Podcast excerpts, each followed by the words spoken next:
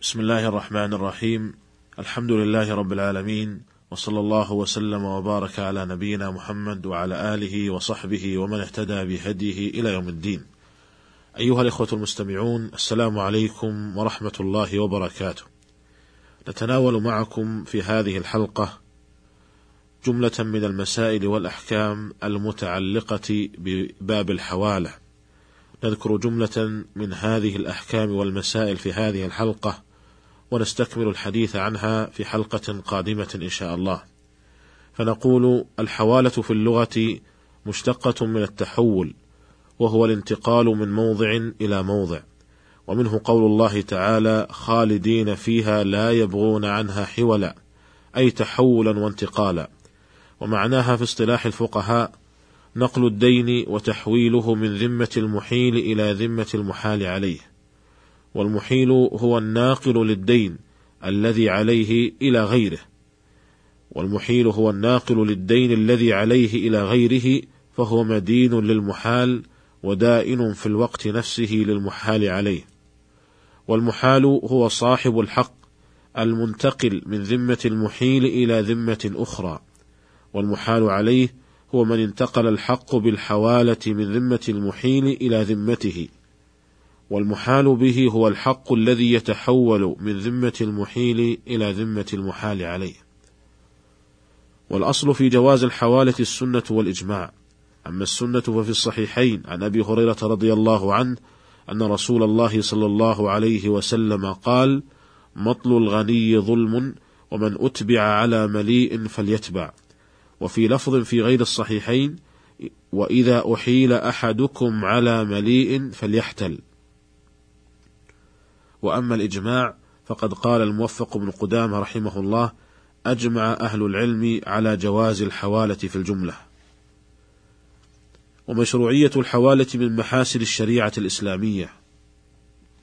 ففي الحوالة توسعة للناس وتسهيل لسبل معاملاتهم وتسديد ديونهم وإرفاق بهم.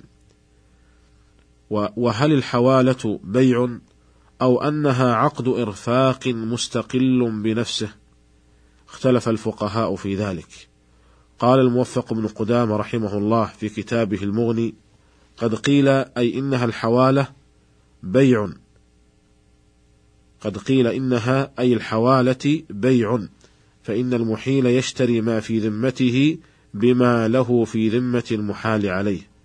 وجاز تأخير القبض رخصة لأن لأنه موضوع على الرفق فيدخلها خيار المجلس لذلك. والصحيح أنها عقد إرفاق منفرد بنفسه ليس بمحمول على غيره لأنها لو كانت بيعا لما جازت لأنه بيع دين بدين ولأن ولما جاز التفرق قبل القبض لأنه بيع مال الربا بجنسه ولجازت بلفظ البيع ولجازت بين جنسين كالبيع ولأن لفظها يشعر بالتحول لا بالبيع. فعلى هذا أي على القول بأن الحوالة عقد إرفاق مستقل بنفسه وليست بيعا لا يدخلها خيار وتلزم بمجرد العقد. وهذا أشبه بكلام أحمد وأصوله. انتهى كلامه رحمه الله. وقال الإمام ابن القيم رحمه الله الحوالة من جنس إيفاء الحق لا من جنس البيع. فإن صاحب الحق إذا استوفى من المدين ماله كان هذا استيفاء. فإذا أحاله على غيره كان قد استوفى ذلك الدين عن الدين الذي في ذمة المحيل. ولهذا ذكر النبي صلى الله عليه وسلم ذكر الحوالة في معرض الوفاء فقال في الحديث الصحيح مطل الغني ظلم وإذا أتبع أحدكم على مليء فليتبع. فأمر المدين بالوفاء ونهاه عن المطل وبين أنه ظالم إذا مطل وأمر الغريم بقبول الوفاء إذا أحيل على مليء. ووفاء الدين ليس هو البيع الخاص وإن كان فيه شوب المعاوضة. أيها الإخوة المستمعون وبعد عرض كلام هذين الإمامين حول التكييف الفقهي للحوالة يتبين أن القول الصحيح هو أن الحوالة عقد إرفاق مستقل بنفسه وليست بيعا. وبهذا التأصيل يتبين أن الحوالة من العقود التي يراد بها الإرفاق والإحسان وليست من العقود التي يراد بها المعاوضة. ولهذا اشترط الفقهاء لصحة الحوالة اتفاق الدينين اتفاق الدينين المحال به والمحال عليه حتى لا تخرج الحوالة عن موضوعها وهو الإرفاق إلى طلب الزيادة بها. وسيأتي إن شاء الله تعالى مزيد بيان وإيضاح لهذا الشرط. وإذا تقرر أنه لا يجوز أخذ عوض مقابل الحوالة لكونها من عقود الأرفاق والإحسان فما الحكم فيما تأخذه البنوك من عمولات مقابل الحوالات البنكية؟ والجواب عن ذلك إذا كانت البنوك تأخذ العمولة مقابل الحوالة ذاتها فإن هذا لا يجوز كما سبق. أما إذا كانت تأخذ العمولة مقابل مصاريف وخدمات فعلية حقيقية تقوم بها فلا بأس بذلك.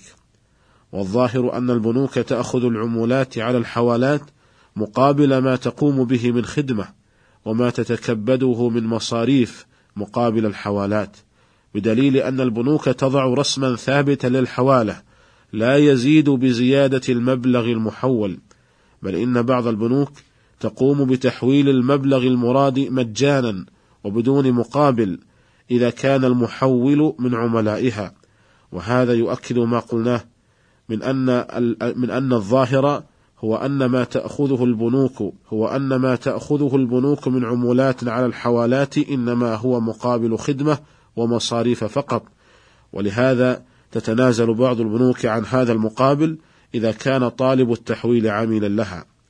وبهذا أفتت اللجنة الدائمة للبحوث العلمية والإفتاء في فتواها رقم 12416 حيث جاء في الفتوى أنه يجوز أخذ عمولة مقابل تحويل العمولات والله تعالى أعلم. أيها الإخوة المستمعون، ويشترط لصحة الحوالة شروط نذكر منها ما يتيسر في هذه الحلقة ونستكمل الحديث عنها في الحلقة القادمة إن شاء الله. الشرط الأول أن تكون الحوالة على دين مستقر في ذمة المحال عليه بالدين، أما إذا كان الدين غير مستقر فلا تصح الحوالة عليه، لأن الدين غير المستقر عرضة للسقوط. وبناء على هذا الشرط لا تصح الحوالة على ثمن مبيع في مدة الخيار. ونوضح هذا بالمثال رجل يطلب آخر دينا فجاءه يتقاضاه دينه فأحاله أي هذا المدين على رجل آخر كان قد اشترى منه سيارة ولم يسدد له ثمنها. لكن هذا المشتري قد شرط الخيار له لمدة شهر. فهذه الحوالة لا تصح لكونها على دين غير مستقر. فبإمكان المحال عليه الذي هو مشتري السيارة أن يفسخ عقد بيع السيارة بمقتضى خيار الشرط وحينئذ يسقط الدين الذي في ذمته. ومما ذكره الفقهاء أمثلة على الدين غير المستقر والذي لا تصح الحوالة به دين الكتابة والسلم والصداق قبل الدخول. الشرط الثاني من شروط صحة الحوالة اتفاق الدينين المحال به والمحال عليه في الجنس والصفة وتماثلهما في الوقت وفي القدر. وذلك لأن الحوالة تحويل للحق ونقل له فينتقل على صفته ويعتبر تماثلهما في الأمور المذكورة وهي الجنس فيحيل من عليه ذهب بذهب ويحيل من عليه دراهم بدراهم والثاني الصفة كأن يحيل دراهم مضروبة بدراهم مضروبة ونقود سعودية مثلا بنقود سعودية وأما الثالث فهو التماثل في الوقت أي في الحلول والتأجيل فلو كان أحد الدينين حالا والآخر مؤجلا أو أحدهما يحل بعد شهر والآخر يحل بعد شهرين لم تصح الحوالة. وأما الرابع فهو تماثل الدينين في المقدار فلا تصح الحوالة بعشرة آلاف ريال على تسعة آلاف ريال مثلا لأن الحوالة عقد إرفاق كالقرض فلو جاز التفاضل فيها لخرجت عن موضوعها وهو الإرفاق إلى طلب الزيادة بها وهذا لا يجوز كما أنه لا يجوز في القرض. ولكن لو أحال ببعض ما عليه من الدين أو أحال ببعض ما له من الدين جاز ذلك ويبقى الزائد بحاله لصاحبه. ولكن لو تمت الحوالة وصحت بشروطها ثم تراضيا بعد ذلك على أن يدفع المحال عليه خيرا من حقه أو رضي من عليه المؤجل بتعجيله أو من له الحال بإنظاره جاز ذلك لأن ذلك يجوز في القرض ففي الحوالة من باب أولى. أيها الإخوة المستمعون هذا هو ما سمح به وقت هذه الحلقة ونستكمل الحديث عن مسائل وأحكام الحوالة في الحلقة القادمة إن شاء الله. والسلام عليكم ورحمة الله وبركاته.